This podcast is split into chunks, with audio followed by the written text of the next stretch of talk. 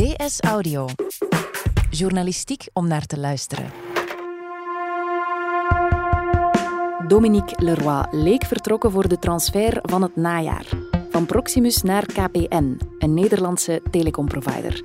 Maar toen startte een onderzoek naar mogelijke handel met voorkennis tegen Leroy. En dan werd alles anders. Van top-CEO naar manager zonder job. Hoe kon het zo dramatisch fout lopen? Het is donderdag 3 oktober. Ik ben Nele Eekhout. En van op de redactie van De Standaard is dit DS Audio.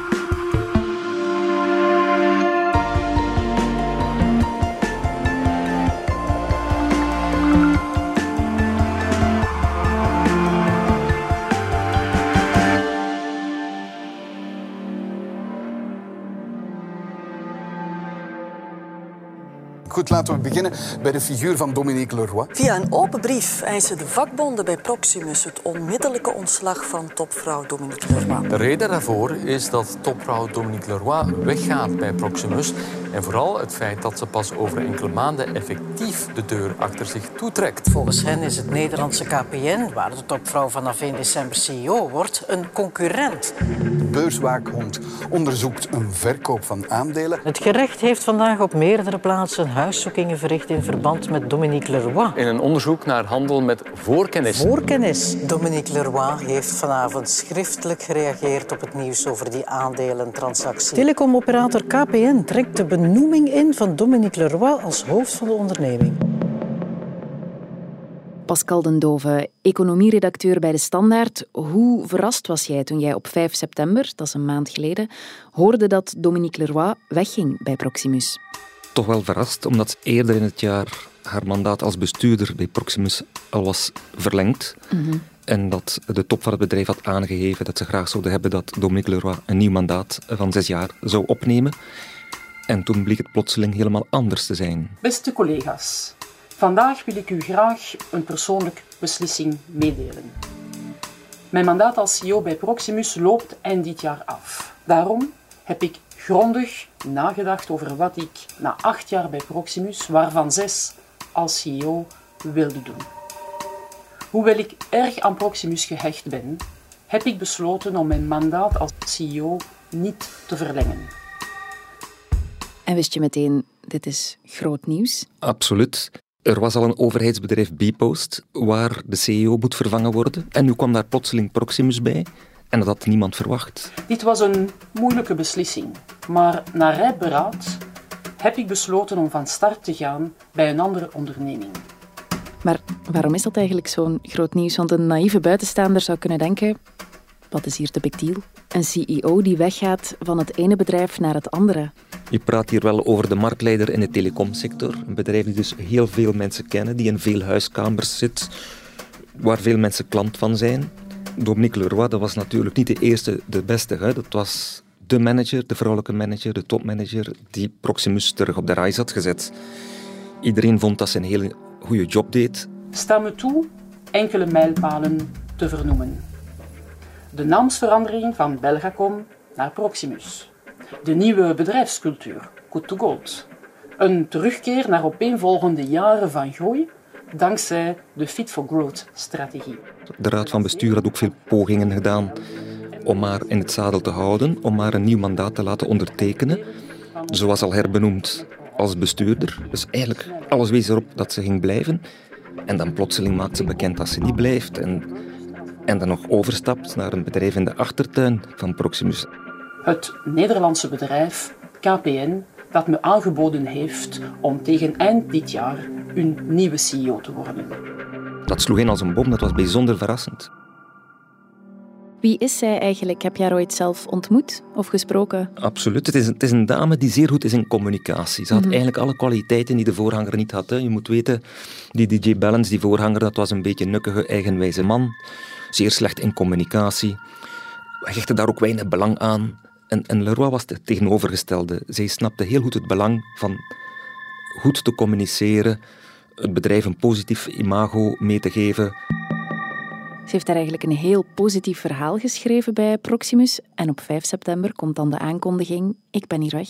Inderdaad, naar KPN, een bedrijf die niemand onverschillig laat. In die zin, het is ook een telecombedrijf. Mhm. Het zit dan nog eens in de achtertuin van Proximus. Wat voor bedrijf is KPN eigenlijk? Een telecomreus uit Nederland. Vroeger staats, de staatstelecombedrijf.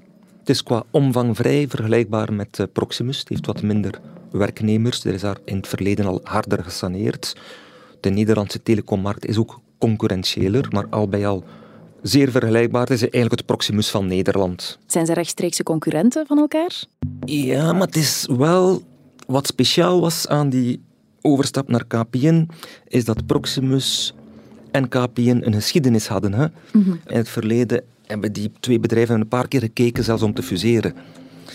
En dus als je dan hoort van hey, ze stapt nu over naar eh, KPN, dan is de eerste reactie van nee, dat is daar een concurrent. En met alle keukenheimen daar naartoe kan dat zomaar. Ja. Formeel, technisch waren het geen concurrenten, maar iedereen verwachtte dat dat wel eens opnieuw het geval zou kunnen zijn.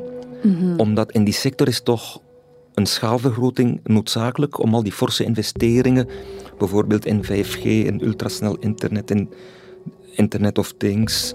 Ja, zo, het is gewoon een kapitaalintensieve sector waar het zin heeft om schaal te hebben. Er was dus meteen enorm veel commotie over het vertrek van Leroy, ook bij de vakbonden. Ja, de vakbonden die geloofden hun oren niet. Hè. Eh, in die zin dat Leroy dan ook nog eens had gezegd en ik blijf tot eind november. Op 1 december gingen ze aan de slag gaan bij KPN. De vakbonden vonden dat wel zeer inconsequent, omdat als iemand die gevoelige informatie heeft, het bedrijf verlaat, ja, dan is daar de cultuur en de regel bij Proximus dat je onmiddellijk vertrekt. Over het hele land hebben medewerkers van Proximus vanmiddag spontaan het werk neergelegd. Via een open brief eisen de vakbonden bij Proximus het onmiddellijke ontslag van topvrouw Dominique Leroy. Volgens hen is het Nederlandse KPN, waar de topvrouw vanaf 1 december CEO wordt, een concurrent. En kan het niet dat ze nog enkele maanden aanblijft? Heeft zij gezegd wat haar reden van vertrek was? Had ze een verklaring? Ja, ze had daar een verklaring voor. In die zin dat ze zei: eh, familiaal hoef ik niet meer elke dag thuis te zijn. Om persoonlijke en familiale redenen heb ik mijn hele loopbaan in België uitgebouwd. Een internationale uitdaging, dat, dat eh, lag er wel. Toch heb ik altijd gedacht dat een internationale ervaring op een dag mijn pad zou kruisen. Die mensen zeiden van oké, it, it makes sense. Is, Ze wil een volgende stap doen. Ze wees er ook op dat het niks met geld had eh, te maken. Nu mijn kinderen volwassen zijn en de opportuniteit zich voordoet, heb ik het voorstel van KPN aanvaard. Ja, nadien hebben we natuurlijk wel gezien dat het genuanceerder was. Ja, want die verklaring van Leroy, ik hoef niet meer elke dag thuis te zijn, was dat een bevredigende verklaring?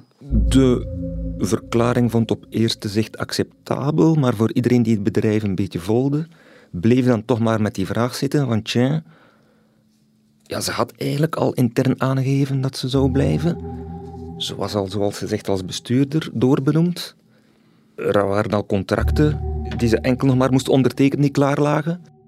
Er was over haar nieuw loonpakket onderhandeld. Daar was ook al veel commotie over, over dat loon. In het verleden absoluut. Hoeveel verdiende ze bij Proximus? Het laatste jaar verdiende ze 940.000 euro bruto. Maar dat was inclusief een aantal premies. Je kunt zeggen dat de basis, het basisloon... Het is een rare term, als je 523.000 euro verdient per jaar, dat je dat een basisloon noemt, maar dat is de term die het bedrijf schijnt te hanteren. Plus de premies en andere vergoedingen kwam dat toch uit op 940.000 euro. Daar zat een klein angeltje aan. In dat directiecomité had iedereen ook nog eens recht op een lange termijn bonus. En Leroy was door omstandigheden de enige die daar geen recht op had. Dat was iets dat de afgelopen jaren altijd een beetje was blijven steken, hè, Ja. waar ze niet gelukkig over was. Een beetje blijven steken. Eh, hoezo? Wel ja, goed, formeel speelde geld geen rol, maar het feit dat er leden in dat directiecomité zaten die meer verdienden dan haar, en het feit dus dat die anderen recht hadden, die andere leden van het directiecomité, op een lange termijn bonus en niet, dat zinde haar toch niet zo. De raad van bestuur van Proximus was, dat, was zich daarvan bewust. En die hadden eigenlijk alle zeilen bijgezet om voor haar ook ehm, te regelen dat zij voortaan ook in haar nieuw contract die extra bonus ging krijgen. Hoeveel, dat ging niet zijn van 100 à 150.000 euro, hangt een beetje af hoe succesvol Proximus op de beurs ging zijn. Want ze wouden haar niet kwijt. Ze wouden haar niet kwijt. En op een bepaald moment dacht die raad van bestuur dat ze die lange termijn bonus haar gingen kunnen aanbieden. Leroy was ook overtuigd dat ze die ging krijgen. Maar toen kwam er negatieve politieke feedback en kantelde plotseling alles. Wat moet ik daaronder verstaan? De voorzitter van de raad van bestuur van Proximus had ook even politiek afgecheckt van kijk, we hebben hier een contract die we Leroy zouden willen laten ondertekenen. Alles is ongeveer hetzelfde als voorheen, maar ze gaan nu ook zo'n lange termijnbonus krijgen. We vinden uh, dat ze daar recht op heeft. Ze doet goed werk, iedereen heeft het. Enfin, maar politiek zag men dat eventjes uh, toch niet helemaal zitten. Het bedrijf, zoals u weet, was in volle herstructurering. Daar moesten 1900 mensen het bedrijf verlaten. Dat was in januari aangekondigd en dat was nog altijd geen akkoord over met de vakbonden. En dus kwam politiek de feedback van ja, dit is wel een ongelukkige timing. De CEO een extra bonus geven terwijl er 1900 mensen weg moeten en daar nog geen akkoord over is. Zou Leroy niet beter eerst eens maken dat ze daar een akkoord heeft? Mhm. En dat ze dan eens dan terugkomt met het contract en met die bonus. Dus Dominique Leroy krijgt een signaal van de politiek. Eerst onderhandelen, dan krijg je je bonus. Hoe kwam dat voor haar over? Niet goed? Je bent zelf als Leroy eigenlijk gepercipieerd als succesvolle CEO. Je hebt wat contacten links en rechts, mensen die naar u kijken. Je bent gewild, je bent gevierd. We weten uit de reconstructie van de afgelopen dagen dat ze in juni al contact had met KPN, maar dat ze op dat moment nog voor Proximus koos. Sterker nog, het contract van, voor het nieuwe mandaat lag al klaar om te ondertekenen op 3 juli. Maar vervolgens hoort ze dat die ondertekening uh, niet aan de orde is, want dat er geen politieke steun voor is op dat moment. Dus het zou kunnen dat Dominique Leroy naar KPN wilde, omdat ze bij Proximus een lange termijnbonus, die er wel beloofd was, dan toch niet zeker kreeg. We kunnen niet in het hoofd van Dominique Leroy kijken, maar het is denkbaar dat dat heeft meegespeeld. Je moet je voorstellen, um, ze stond klaar om bij Proximus te blijven. Dan hoort ze dat die bonus niet doorgaat, wat toch een beetje beledigend was. Wie weet heeft ze dat slecht opgenomen en heeft ze terug de piste KPN ehm, onder ogen genomen. Hoeveel zou ze daar gaan verdienen bij KPN? Met die bonussen weet je nooit op voorhand waar je precies landt, maar als het een beetje mee zat, ging ze vlot haar loon verdubbelen. Het kon zelfs een verdrievoudiging worden. Een verdrievoudiging van welk bedrag bij Proximus was het ook alweer? 523.000 euro basisloon. En bij Proximus was dat loon geplafonneerd. Dat was eigenlijk het grote verschil tussen de loonvoorwaarden van Proximus en KPN. In België was dat omwille van politieke redenen, maatschappelijke redenen geplafonneerd. In Nederland moest men niet met die beperkingen rekening houden. En daar kon je veel hogere bonussen verdienen. Het basisloon zelf bij KPN was 935.000 euro, maar daar konden veel hogere premies, bonussen bij komen. Mhm. Waardoor dat ze vlot richting 2 miljoen en meer kon gaan. Ja, hoe buitengewoon is dat in het wereldje van de CEO's? Als je het vergelijkt met de lonen die gelden bij Belgische overheidsbedrijven, dan is dat buitengewoon. Hè.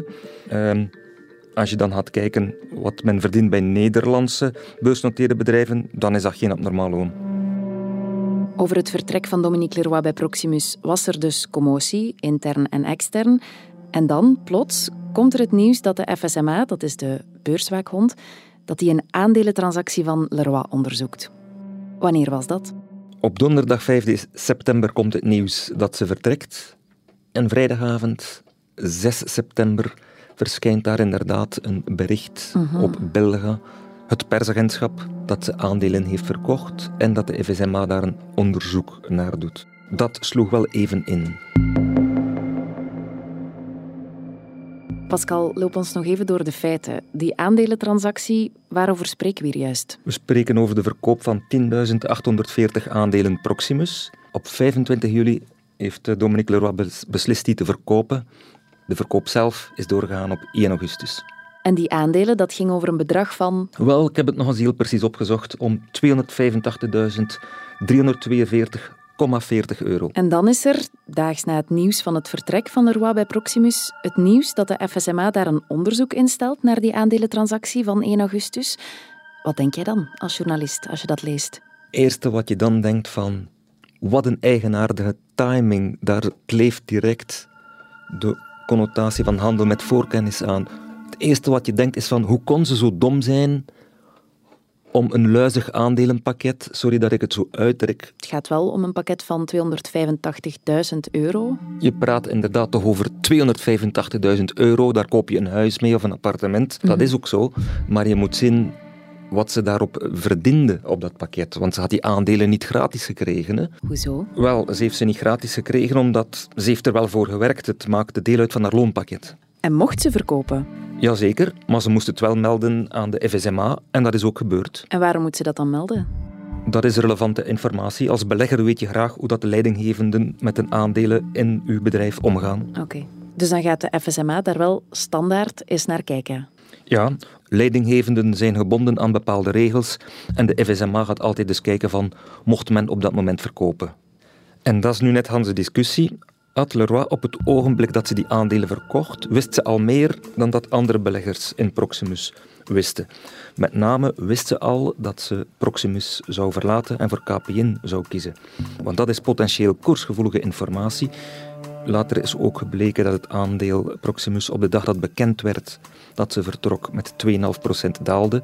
Goed, je kan discussiëren, die koersbeweging heeft dat te maken met dat nieuws, maar toch, aandeel is die dag gezakt. Het was potentieel koersgevoelig. Dat zal Hans' discussie zijn. Eén, op het moment dat ze verkocht, wist ze meer dan de rest. En twee, ehm, die koersdaling, heeft dat daarmee te maken met die aankondiging? Je zegt dat zal de hele discussie zijn, want er loopt nu een onderzoek. Er lopen er zelfs twee. Het onderzoek van de FSMA, maar ook een onderzoek van het gerecht. Een strafrechtelijk uh, onderzoek waar men dus zal kijken van wat wist Leroy op het moment uh, dat ze verkocht. Vandaag is de laatste werkdag van topvrouw Dominique Leroy. En dat is een afscheid in mineur, want gisteren zijn speurders binnengevallen in haar woning en in haar kantoor. Het gerecht heeft vandaag op meerdere plaatsen huiszoekingen verricht in verband met Dominique Leroy, de CEO van Proximus. Er is onder meer gezocht bij haar thuis. De huiszoekingen kwamen er in een onderzoek naar handel met voorkennis. Omdat Leroy vorige maand een pak aandelen van Proximus verkocht en iets later bekend maakte dat ze het bedrijf zou verlaten. Dominique Leroy ontkent zelf stellig. Uh, wat geeft zij aan als reden voor die aandelentransactie? Dat ze eigenlijk al anderhalf jaar die aandelen wou verkopen, maar dat haar handen altijd gebonden waren, omdat er altijd wel koersgevoelige informatie was. En dat ze dus nu voor het eerst na anderhalf jaar eigenlijk de handen vrij had. Ze betreurt dat nu een perceptie zou kunnen ontstaan dat de discussie over het blijven of niet blijven een element was. Ehm, maar ze zegt zelf van ehm, dat was echt niet mijn bedoeling. Ze excuseert zich daarvoor. Het gaat in tegen haar waarden en haar integriteit. Eigenlijk zegt ze, ik zou dat nooit doen, handel met voorkennis. Het onderzoek daarnaar loopt nu. Wat weten we al over dat onderzoek? Dat kan maanden duren. Dat is moeilijk te zeggen. En dat allemaal voor die ene aandelentransactie. Hoeveel zou ze daaraan verdiend hebben? Dat valt eigenlijk uiteen in, in twee stukken. Je hebt het stuk die ze eraan verdiend heeft. Ze heeft destijds die aandelenopties gekregen waardoor dat ze aandelen kon verwerven en verkopen. Maar dan heb je natuurlijk nu dat tweede luik die het gerecht onderzoekt, met name door daar die aandelen te verkopen in die bepaalde periode. Um, welk koersvoordeel heeft ze daarmee kunnen doen? En wat dat laatste betreft spreken we over 6.000 à 7.000 euro. Dat is eigenlijk niet zoveel gegeven wat hier allemaal op het spel staat. Hè. Dus vandaar dat weinig mensen geloven dat ze omwille van dat bedrag handel met voorkennis zou plegen. In haar hoofd kunnen we niet kijken, maar het is wel opmerkelijk dat ze in zo'n lastig parket is terechtgekomen voor iemand met zoveel ervaring. Hoe kan dat? On, onbegrijpelijk. Hè? Ze had natuurlijk nooit die aandelen mogen verkopen in, in die periode, omdat je krijgt dat eigenlijk niet uitgelegd, ook al zijn daar geen kwade bedoelingen. Um, ze is daar eigenlijk onzorgvuldig geweest. Het was, het was niet verstandig dat te doen. En, en je ziet, de gevolgen zijn, zijn zeer, gaan zeer ver. Hè? Dus ondertussen loopt dat onderzoek. Wat dat zal geven, weten we nog niet. Wat we wel al weten sinds deze week is: Dominique Leroy gaat niet naar KPN. Telecomoperator KPN trekt de benoeming in van Dominique Leroy als hoofd van de onderneming. In een persbericht liet KPN vanochtend weten dat de onzekere procedures waarin de ex-CEO van Proximus is betrokken geraakt niet in het belang zijn van het bedrijf KPN en zijn aandeelhouders. KPN zat inderdaad met een probleem. Een aantal beleggers, de beleggingsfederatie VEB, had al gezegd van nee, dat kan niet, dat KPN in zee gaat met een CEO die potentieel afgeleid wordt door een onderzoek. Je moet een CEO mhm. hebben die voltijds met het bedrijf kan bezig zijn. KPN zag de bui al hangen van hier gaan we veel lastige vragen over krijgen. Mhm. En ze hebben dus resoluut inderdaad voor iemand anders gekozen. En dat is natuurlijk zeer nefast voor Dominique Leroy, die van de ene dag op de andere dag plotseling een, naast een topjob grijpt en eigenlijk werkloos is nu. Van de ene dag op de andere, je zegt het, hoe moet het nu met haar verder? Komt zo iemand dit te boven? Ze moet hopen dat dit onderzoek zo snel mogelijk tot een conclusie komt in een of andere richting. En voor haar natuurlijk het liefst dat ze daar vrijgepleit wordt. Ze is als CEO nog niet oud. Ja. Um, vandaag zit ze in een onzekere, heel moeilijke, lastige periode.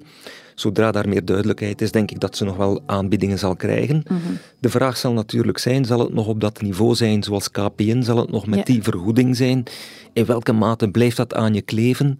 Ja, ze komt hier toch een beetje beschadigd uit. Ze heeft geen goede beurt gemaakt. Hè, want ook al was het geen handel met voorkennis, Iedereen is het er wel over eens. Wat ze gedaan heeft was niet slim. Ze had op dat moment, ook al kon ze formeel misschien wel op dat moment verkopen, ze had dat gewoon niet moeten doen.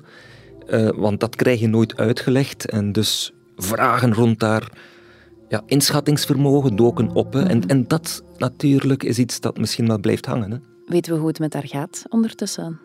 Nee, maar ik kan me voorstellen dat het heel moeilijke tijden voor haar zijn. Hè. Mhm. Je stond op het punt een topjob aan te nemen in Nederland. En nu val je eigenlijk in een zwart gat. Hè.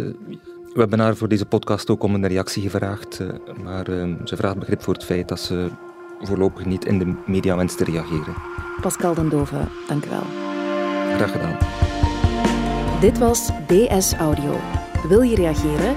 Dat kan via dsaudio.standaard.be. In deze aflevering hoorde je Pascal den Dove en mezelf, Nele Eekhout. De redactie gebeurde door Alexander Lippenveld. De eindredactie door Wouter van Driessen. De audioproductie was in handen van Joris van Damme. Brecht Plasgaard schreef de muziek die je hoorde in deze podcast. Chef audio is Wouter van Driessen. Vond je deze podcast interessant? Weet dan dat je er elke werkdag één kunt beluisteren. Dat kan via de DS Nieuws app of via standaard.be-audio. Je kunt je ook abonneren via iTunes, Spotify of de podcast-app van je keuze. En als je daar dan toch bent, schrijf gerust een review. Zo toon je ook anderen de weg. Morgen zijn we er opnieuw.